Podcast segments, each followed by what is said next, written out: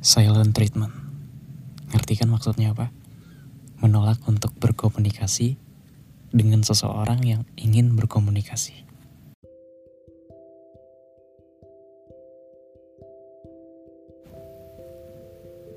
Silent treatment sebenarnya pembahasan yang bikin aku kesel, bikin aku ngerasa bosan. Cuman ya udah deh aku bahas. Silent treatment atau kayak milih diem, milih ngejauh karena ngerasa malas untuk menjelasin sesuatu, malas untuk diajak berdiskusi. Baik itu hubungan ke orang tua, hubungan ke pacar, hubungan ke temen, dan sebagainya. Masalah bukannya cepet selesai, malah bisa nambah loh, gegara ginian doang. Kesannya emang sepele, sederhana, tapi percaya deh, silent treatment itu kompleks. Masa iya orang lain terus-menerus merasa dituntut untuk paham, ngerti bahkan menebak? Bagus kalau insting mainnya bener. Kalau salah, bisa jadi panjang masalahnya. Dikira nggak peka padahal emang nggak ngerti. Misal dia dalam pacaran. Si A kamu kenapa? Terus si B-nya jawab, gak apa-apa. Atau si A ngomong gini, mau aku sih ini kalau kamu gimana terus si B ngomong terserah. Ada lagi. Si A ngomong aku nggak tahu salah aku di mana makanya aku tanya salah aku apa? Si B jawab nggak ada. Ngerasa kesel kan? Jadi tolong kalau kamu yang suka silent treatment atau gak mau ngejelasin sesuatu udah ditanya ini itu tapi gak mau jelasin berharap lawan bicara kamu itu ngerti, berharap dia peka. Jadi tolong, aku minta tolong banget minimal dikurangin kalau bisa. Jangan kayak gitu. Aku tegasin kalau emang belum bisa dibicarakan, baik itu karena suasana hati kamu gak enak atau mood kamu kurang baik, ada baiknya itu bilang, ada baiknya itu ngomong. Kayak tadi kan, kamu kenapa? Terus si B jawab, ada yang bikin mood aku hancur hari ini. Ntar deh kalau mood aku balik, pasti aku ceritain. Atau si A bilang gini, mau aku sih gini, mau kamu gimana? Terus jawab, aku masih bingung mau yang mana.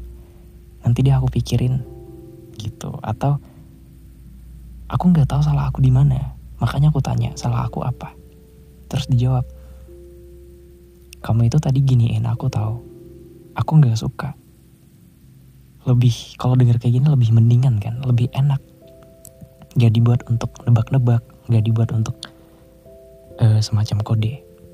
Apalagi sempat beredar kode-kode yang gak jelas. Asli makin ngeselin. Entah kode itu hanya jokes atau apalah yang jelas ngeselin. Apalagi kadang di beberapa media sosial yang pembahasannya tentang ini berharap ada orang-orang yang bilang, wah bener banget.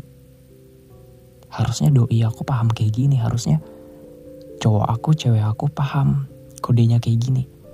Ingat, gak semua orang paham, gak semua orang ngerti atau peka. Kadang mereka emang gak ngerti. Aku bener-bener gak suka sama silent treatment Gak kan kadang suka tanya-tanya sendiri. Siapa sih orang pertama yang mencetuskan silent treatment atau um, siapa sih orang pertama yang suka kayak gini? Tapi sebelumnya kita luruskan dulu ya, makna silent treatment ini untuk apa? Soalnya banyak mispersepsi terkait hal ini. Banyak orang yang gagal membedakan mana silent treatment dan mana yang berdiam diri untuk meredakan situasi yang emosi.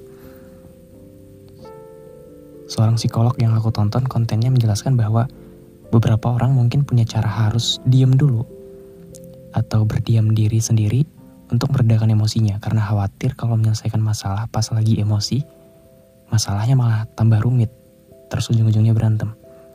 Tapi ketika dia udah lebih reda, udah lebih tenang, emosinya udah di bawah, dia bersedia untuk menyelesaikan permasalahannya dan cari solusi. Nah bedanya sama orang yang silent treatment, adalah mereka ini cenderung ngediamin pasangan atau ngediamin orang.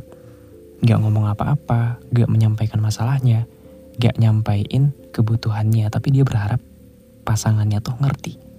Lawan bicaranya tuh peka. Ujung-ujungnya masalahnya juga belum tentu selesai.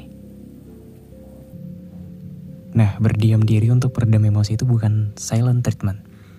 Atau malah bagus kalau misal mereka bilang dengan terus terang bahwa mereka butuh waktu sendiri, butuh waktu untuk mikir sebelum menyelesaikan masalah. Misalnya, talk to you later ya, aku nenangin diri dulu biar nggak emosi. Nanti kalau udah adem, kita bicarain bareng-bareng, kita selesaiin bareng-bareng. Kan lebih enak seperti itu untuk kedua belah pihak kan? Buat yang suka silent treatment mulai sekarang coba deh diubah kebiasaannya. Karena pasangan atau orang-orang di sekitar kita gak akan ngerti apa masalah dan kebutuhannya kalau misalnya kita nggak bilang dan nggak mengkomunikasikannya ke mereka. Terus kadang suka ada pertanyaan kayak gini. Tapi aku tuh udah coba komunikasiin loh apa kebutuhan dan masalahnya, tapi dia tetap aja nggak ngerti. Kebayang kan? Udah dikomunikasiin aja masih. Kadang nggak paham, udah nggak ngerti. Apalagi kalau di silent treatment, apalagi kalau nggak dikomunikasiin.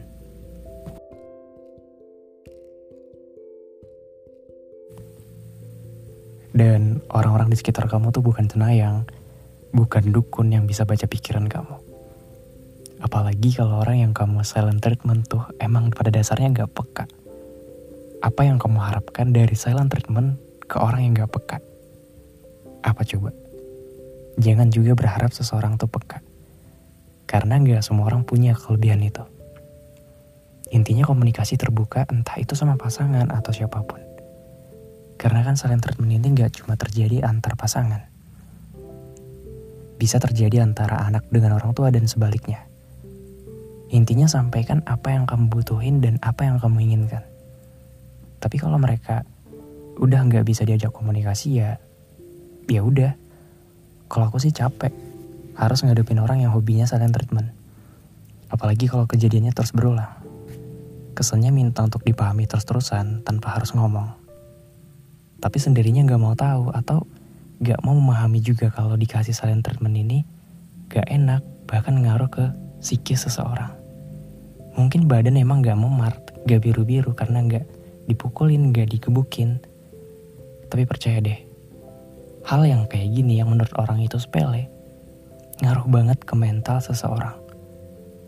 Ayo yang hobinya silent treatment ini diubah kebiasaannya.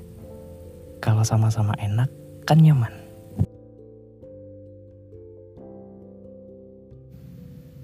Nah, biar kamu gak ketinggalan episode podcast selanjutnya, jangan lupa follow dan aktifin loncengnya, biar gak ketinggalan. See you next time. Bye-bye.